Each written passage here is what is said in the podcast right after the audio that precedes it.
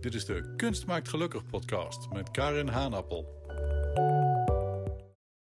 Welkom bij de derde Kunst maakt gelukkig podcast. En ik sta hier op een hele speciale plek terwijl ik deze podcast inspreek. Want ik sta namelijk op de kop van Jutland in Denemarken op het strand van Skagen. En uh, dat doe ik natuurlijk bewust dat ik hier deze podcast opneem. Want waar ik je over wil vertellen is dat schitterende schilderij wat uh, Peter Severin Kreuer in 1893 heeft geschilderd. Dat wil zeggen, hij heeft er verschillende versies van gemaakt. Maar degene waar ik het specifiek over ga hebben, heeft hij op een zomeravond in 1893 geschilderd. En op dat schilderij zie je die prachtige zee bij Skagen. En je ziet twee dames lopen, natuurlijk in die 19e eeuwse kleding, lange gewaden, lange witte gewaden. Heel sierlijk lopen de dames met elkaar te babbelen terwijl ze over het strand wandelen. En het is net alsof Peter Severin Kreuyer daar een, een momentopname van gemaakt heeft, alsof hij een impressie heeft geschilderd. Maar we weten wel dat hij er verschillende foto's ook van gemaakt heeft van deze situatie. Want die situatie heeft ze natuurlijk wel echt uh, voorgedaan.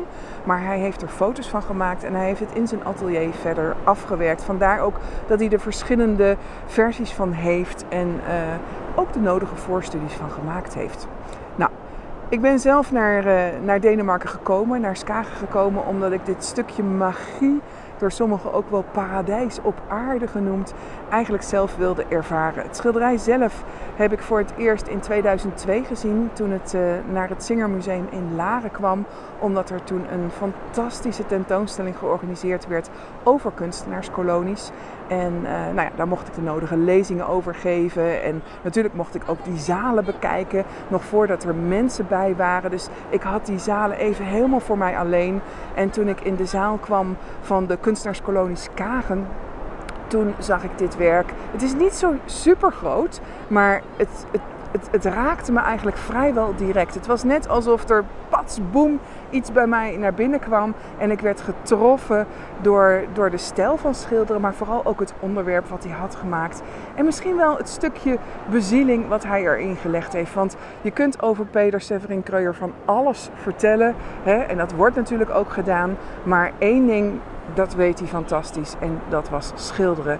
Hij kon het bijna als geen ander. Hij wist op een, op een hele bijzondere manier wist hij, uh, een stukje bezieling te geven aan zijn taferelen.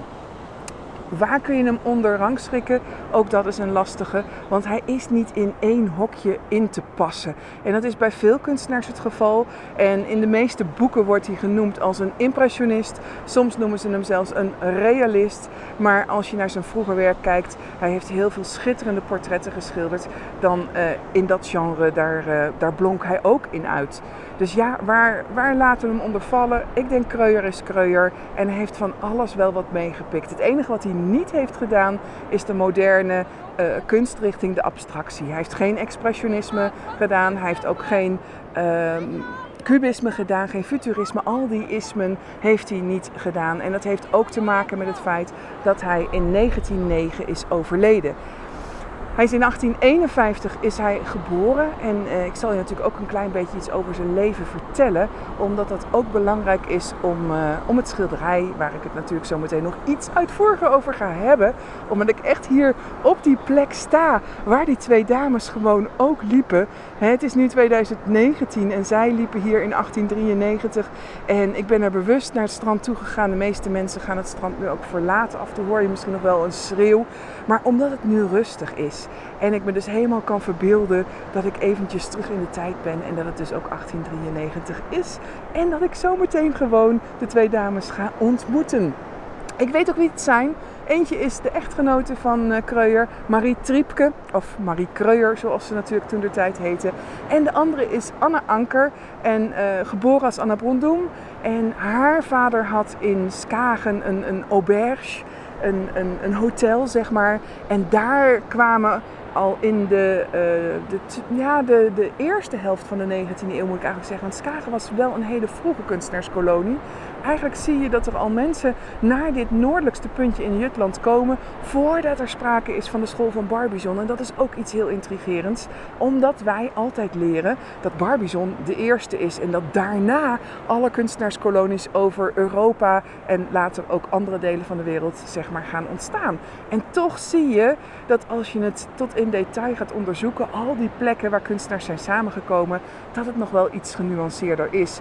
En um, nou ja, hier in Skagen zie je dus al dat in de jaren 10, jaren 20 van de 19e eeuw kunstenaars komen. Omdat het gewoon een magische plek is. Omdat het een plek is waar, waar twee zeeën samenkomen, tegen elkaar instromen.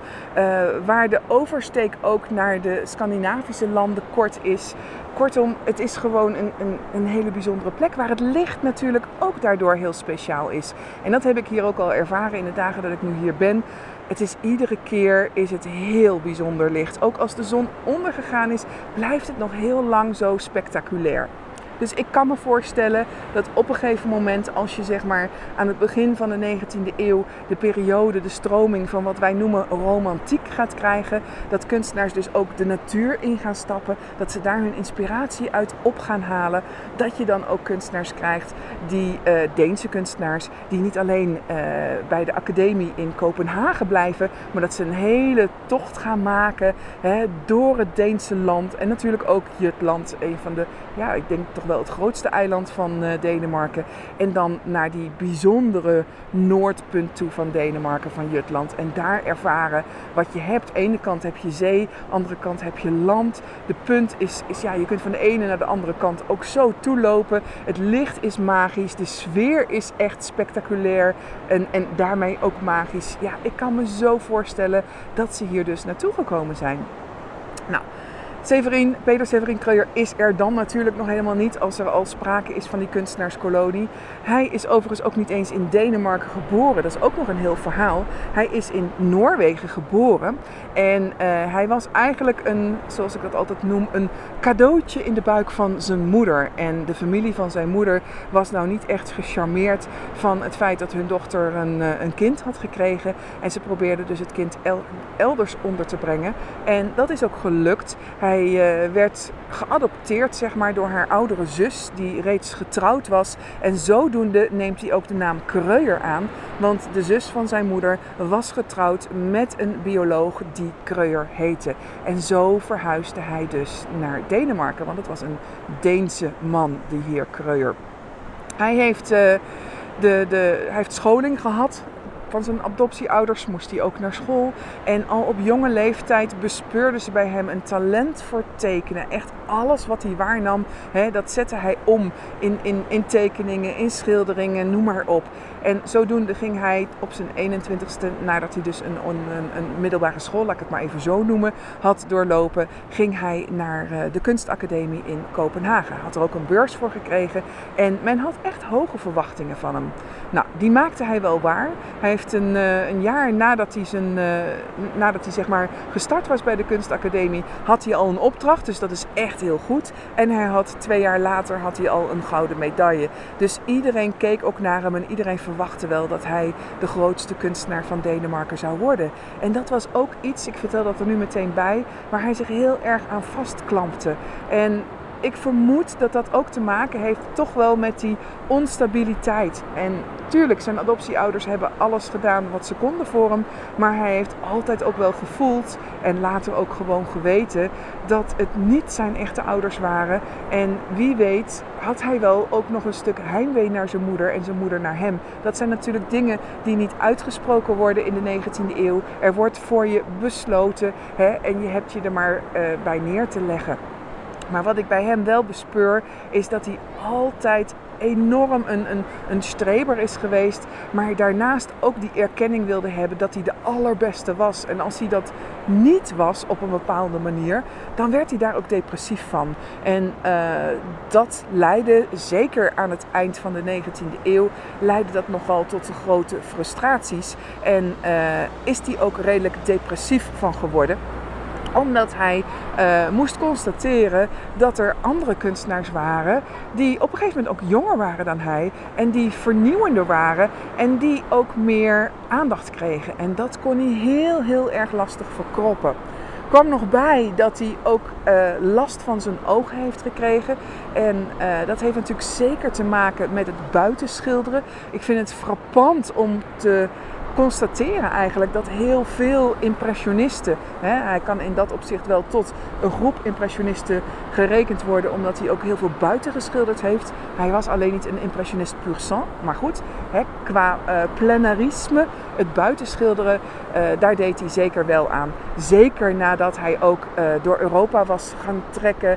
Dat deed hij na zijn kunstacademie. Hij is tot 1881, 1882 is hij door Europa getrokken. Heeft hij Italië gedaan, Duitsland gedaan, Frankrijk gedaan. En vooral Frankrijk, daar werd hij heel enthousiast van het werk van de impressionisten. Dus hij heeft die stroming omarmd. En zeker ook de manier van schilderen omarmd. En daarbij het meeste dat je dus buiten je inspiratie op kunt doen toch als je bij Kreuer gaat kijken, zie je dat hij te secuur schildert om het ook echt daadwerkelijk buiten te doen. En dan maakt hij dus gebruik van, uh, van de middelen, laat ik het zo maar noemen, van de 19e eeuw. En dat is dus onder andere de fotografie. Die kan jou natuurlijk een heel stuk op weg helpen. Je hoeft niet lange tijd buiten te staan, maar je hebt toch die beelden. En ondertussen zit natuurlijk heel goed in je hoofd geprent de sfeer die er was op het moment dat jij daar zelf daadwerkelijk was. Maar goed, hè, hij, want ik was eventjes afgeweken. Ik was eventjes, uh, dat, dat maakt dus dat je hier gewoon op het strand staat en vanuit je hoofd het hele verhaal doet. En misschien voor jullie wel heel verwarrend wordt, omdat ik van de hak op de tak spring. Maar het gaat nog steeds over Kreuer. En ik sta ook nog steeds hier bij de zee in Skagen, die je uh, misschien zelfs ook wel kunt horen. En wat ik dus wilde vertellen is dat hij... Um, aan het eind van zijn leven nagenoeg blind is geworden. Hij heeft enorm veel last van zijn ogen gekregen. En dat gaat dan gepaard met het feit dat hij ook niet meer de beste schilder is van Denemarken. En dat, dat, ja, dat leidt tot zo'n grote frustratie dat hij daar depressief van wordt. En dat hij ook verschillende keren in uh, een psychiatrische inrichting wordt opgenomen. En uiteindelijk dus sterft in 1909. En dat is natuurlijk heel erg jong. Goed, ik zal ook even vertellen hoe hij uh, zijn vrouw heeft leren kennen, want dat is ook nog wel een mooi verhaal. Ten meer dat zij ook een zeer begenadigd kunstenares was. Marie Triepke um, heeft ook de nodige opleidingen gevolgd, al was zij nog niet iemand die uh, een kunstacademie kon volgen, omdat het voor vrouwen toen de tijd gewoon nog niet uh, toegestaan was. Hè. 1897 gaan de eerste Europese kunstacademie in Parijs voor vrouwen pas open. Daarna volgt de rest en de hekkensluiter is Londen in 1936. Dus zij heeft geen kunstacademie gedaan, maar ze heeft wel allerlei andere opleidingen gevolgd. En zij is dus ook al eens in Parijs geweest. En dat is wel leuk om te weten. Samen met Anna Anker, Anna die uh, als Anna Bodroem, dus wat ik net al zei, geboren is in Skagen, getogen is in Skagen, daar in contact komt met Michael Anker, een kunstenaar die ook de uh, academie, de Koninklijke Academie in uh, Kopenhagen heeft doorlopen. En die eigenlijk ook op de kunstenaarskolonie afkomt van Skagen. En gefascineerd raakt door die pracht van dat landschap daar. En daarbij ook verliefd wordt op de dochter van de hotelier. En uh, moet wachten totdat zij uh, volwassen is. Maar dat doet hij met liefde. En het mooie vind ik ook van Anna en Michael. Dat je daarmee uh, met een koppel te maken hebt. Wat echt hun hele leven samen is gebleven. heel erg inspirerend naar elkaar toe. Je kunt echt spreken over een kunstbestuiving tussen deze twee mensen. En hun dochter Helga heeft ook verteld later dat ze het zo fantastisch vond. Dat als haar ouders een dag hadden geschilderd. Dat ze dan iedere avond zeg maar op de ezel in uh, hun salon de werken neerzetten en met elkaar die werken bespraken. En daarin dus niet elkaar gingen afkraken of bekritiseren, maar juist gingen vertellen hoe goed of dat het was. En dat, dat kunst maakt gelukkig ook zeker in het gezin van de ankers heel erg prominent aanwezig was. Nou goed, Marie dus, de echtgenote van Kreuer, die uh, was ook schilderes. Die heeft met Anna zelfs in Parijs nog wat lessen gevolgd voordat Anna trouwde met uh, Michael, voordat zij ook trouwde met, uh, met Peter Severin Kreuer. En uh, wanneer Anna getrouwd is, is Marie nog wel steeds aan het rondreizen met andere vrouwen ook. studeert ook nog in Parijs. En wanneer Kreuer zelf dan in 18 88, doe ik het even uit mijn hoofd, 1888 in Parijs is, dan ontmoet hij Marie wederom. En wederom wil zeggen, hij had haar al wel een keer ontmoet. Hij kende haar al wel vanuit Kopenhagen. Uh, maar nu, ja, de vlammen sloegen eruit, laat ik het maar zo zeggen. Het werd een hartstochtelijke relatie en ze wilden niets liever dan met elkaar trouwen. En ze zijn in juli 1889 zijn ze getrouwd. En vervolgens zijn ze naar Skagen gegaan.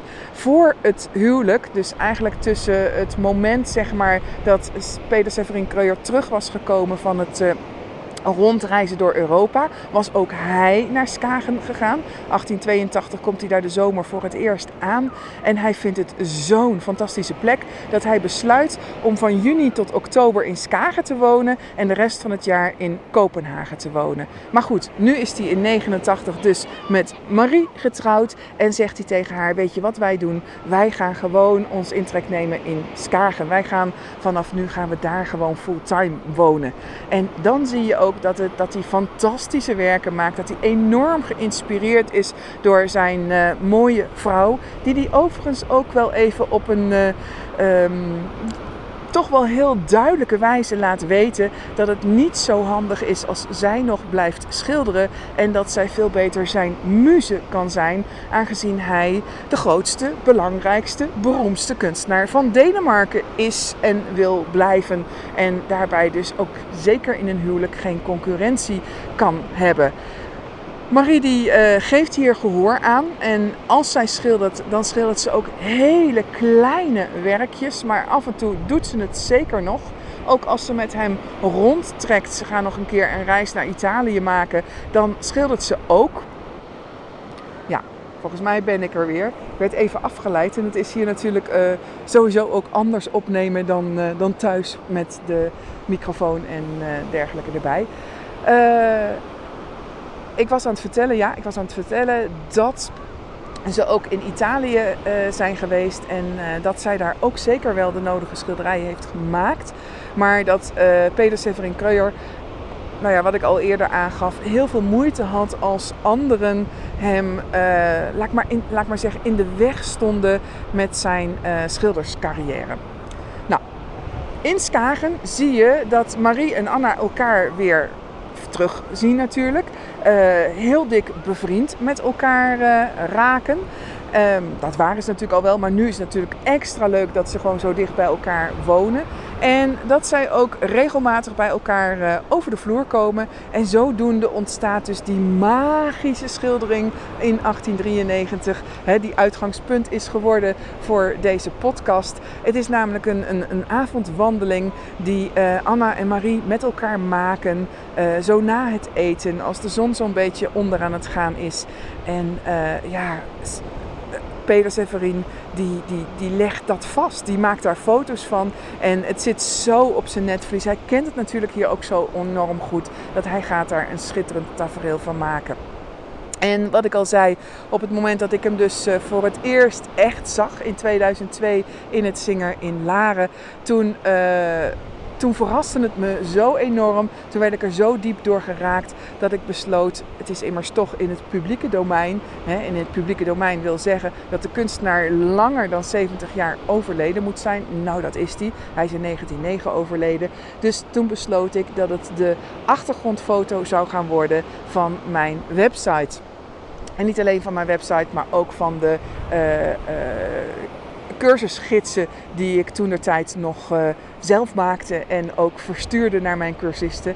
Lang leven het internet, hoeven we dat nu niet meer te doen. Want dat is natuurlijk ook milieuvervuilend als je iedere keer zoveel papier gaat printen en gaat versturen. Wat dat betreft is dat internet natuurlijk ideaal. Maar hij staat er nog wel steeds op. En uh, zeker als je naar de Kunstgeschiedenisacademie gaat, waar ook het onderwijsaanbod uh, op genoemd wordt, zowel online als op locatie, dan kom je op de hoofdpagina direct ook alweer deze dames op het strand tegen. Het is een schilderij wat diep in mijn hart is gekomen en daar ook altijd zal blijven. En ehm, door veel mensen soms ook bijzonder genoemd, omdat het namelijk het werk is van een mannelijke kunstenaar. En ze van mij zo gewend zijn dat ik eigenlijk alleen maar over vrouwen spreek. En ja, dat laatste dat doe ik natuurlijk ook. Ik spreek over vrouwen. Maar dat wil niet zeggen dat ik het werk van mannen niet benoem. Of dat ik het niet goed zal vinden. Want ook dat mag er gewoon zijn en mag er gewoon genoemd worden. Waar het mij om gaat is die egaliteit, is die balans. Is het feit dat je zowel de werken van de mannen als de vrouwen leert kennen. Het feit dat je gaat zien en gaat ervaren dat het altijd een, een, een, samenspel is geweest tussen mannen en vrouwen. En dat het gewoon maar een gekunsteld trucje is wat in die 19e eeuw is uh, ontstaan om alles te richten op mannen en vrouwen buiten beeld te brengen. Dus ja, je hoort mij veel over die vrouwen spreken omdat ik ook vind dat ze hun plek weer terug moeten krijgen. Zeker als je ziet hoe groot sommigen gewoon ooit zijn geweest. Luister maar de eerste podcast van Sofonisba Anguinzola na. En dan zie je dat zij in haar tijd echt huge was. Enorm groot was. Ja, er wordt af en toe ook gekrost hier op het strand. Ja, dat zijn ook de, de bijgeluiden die je hier natuurlijk ook allemaal uh, te horen krijgt. Um, ik ga zo meteen uh, deze derde podcast uh, beëindigen. En ik ga eens eventjes kijken hoe het is geworden. Of er nog iets moois van te maken is. Uh, aan één stuk hè, aan, aan, elkaar geplakt kan worden. In ieder geval bekijk het schilderij. Je kunt het zien op mijn website. En als je ooit hier naar Skagen bent, wat ik je sterk sterk kan aanraden dan breng een bezoek aan het Skager Museum, want daar is het te zien.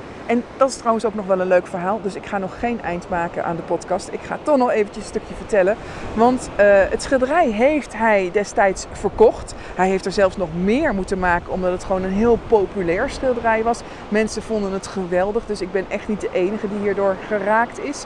Um, maar het is uiteindelijk is het in uh, lange tijd in familiebezit geweest. En in 1978 is het uh, bij een veiling terechtgekomen. Is het door een Duitse verzamelaar gekocht. En hij heeft gezorgd dat het na zijn dood terugkwam in Skagen. Omdat hij vindt dat het daar thuis wordt. Dus het is een schenking geweest aan het Skager Museum. En daar kun je het dus nu bekijken. En er hangen natuurlijk nog veel meer werken van Peter Severin Kreuer. Maar er hangen ook werken van Marie Triepke. Er hangen werken van Anna Anker. Er hangen werken van Mikkel Anker. En als je dan toch in Skagen bent, ga dan ook naar het Ankerhoes toe. Dat is het, uh, het huis waar Anna en Michael hebben gewoond. Waar hun atelier ook nog uh, te bezichtigen is.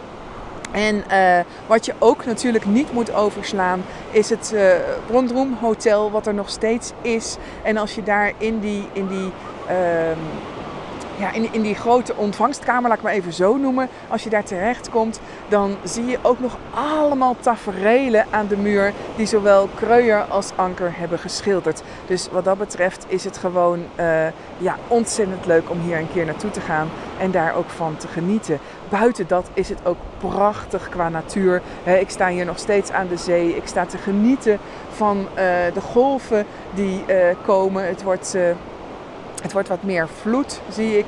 Uh, grote golven komen er ook. De zon is helemaal uh, weggegaan. Er zijn nog wat wolken. De maan die komt al om het hoekje piepen. Uh, het is wat dat betreft is het ook een, een, een bijzonder moment. Omdat het 8 augustus is. En het, ja, het is uh, Sirius, waar je mij waarschijnlijk al wel in andere uh, uh, omstandigheden over hebt horen spreken. Sirius, de ster van Isis, hè, die nu heel essentieel is en die nu ook heel duidelijk haar licht, haar bijna onzichtbare licht, want ze is achter de zon, maar zij zorgt dat de zon schijnt. En daarmee hebben wij ook gewoon een hele bijzondere tijd op dit moment. Dus al met al kan ik alleen maar zeggen dat het pure magie is hier op het strand in Skagen. Op die plek waar in 1893 die twee vrouwen liepen die toen zeg maar de inspiratie werden voor het schilderij. Wat ik in 2002 voor het eerst in het echt zag en wat mij geraakt heeft en wat ik eigenlijk gebruikt heb als een soort van uh, logo zou je bijna wel kunnen zeggen. Hoewel ik dat natuurlijk een heel plat woord vind. Maar het is wel een beeldmerk geworden.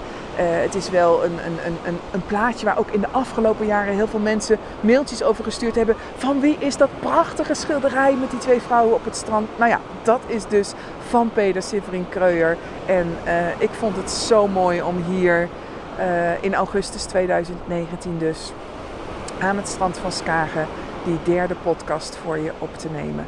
Nou, ik hoop dat het een beetje een, een, een, samenhangend verhaal is geworden. Want ik besef me dat het heel anders is dan thuis uh, in mijn kantoor praten. En dat hier veel meer afleidingen zijn, ook voor mij. Maar uh, ik hoop dat je ervan geniet en dat je een glimp van die magie, zeg maar, uh, door de podcast heen kunt voelen. En het idee hebt van, ik moet toch echt ook een keer naar Skagen doen. Dan zeg ik doen. Ik ga op de Kunstmaak Gelukkig website, want misschien dat je dat wel of niet weet, maar www.kunstmaaktgelukkig.nl is een nieuwe website en daar staat ook kunst op reis. En daar ga ik zeker ook nog een, uh, een artikel schrijven over Skagen en wat je hier allemaal kunt doen. Dus uh, zodra dat er is, zal ik ook in de podcast, hè, zeker op de YouTube podcast, zal ik er even een linkje naar plaatsen, zodat je daar goed naar kunt doorklikken. En anders ga je gewoon maar zelf naar die kunstmaakgelukkig.nl toe en dan ga je kijken of het er al bij staat. Of nog handiger, zorg gewoon dat je mijn nieuwsbrief niet mist. Want zodra het artikel klaar is, komt het in de nieuwsbrief en krijgen al de nieuwsbrieflezers het natuurlijk ook te zien. Dus dat is nog het allerhandigste wat je kunt doen. Gewoon eventjes naar www.karenhanappel.nl en je daar abonneren op mijn nieuwsbrief. Die komt regelmatig, om de twee weken probeer ik hem zeker te sturen. En daarin vertel ik van alles van mijn uh, fascinerende werk als kunsthistorica, als onderzoeker, als docent, als spreker, als schrijver. Kortom, kunst maakt gelukkig. Tot de macht 10, laat ik het zo maar zeggen. Lieve mensen, ik ga deze podcast beëindigen. Nu toch zeker wel, want ik heb je verteld ook hoe het schilderij in het Skagenmuseum terecht is gekomen. En uh, we gaan hem monteren en voor je klaarzetten. En ik, uh, ja, ik zie je gauw, ik hoor je gauw. Of nou ja, jij hoort mij gauw weer. Want uh, ik heb alweer heel veel leuke ideeën voor andere podcasts uh, gekregen in de afgelopen tijd. Dus tot heel gauw en veel liefs. Bedankt voor het luisteren. Kunst maakt wel degelijk gelukkig. Tot de volgende keer.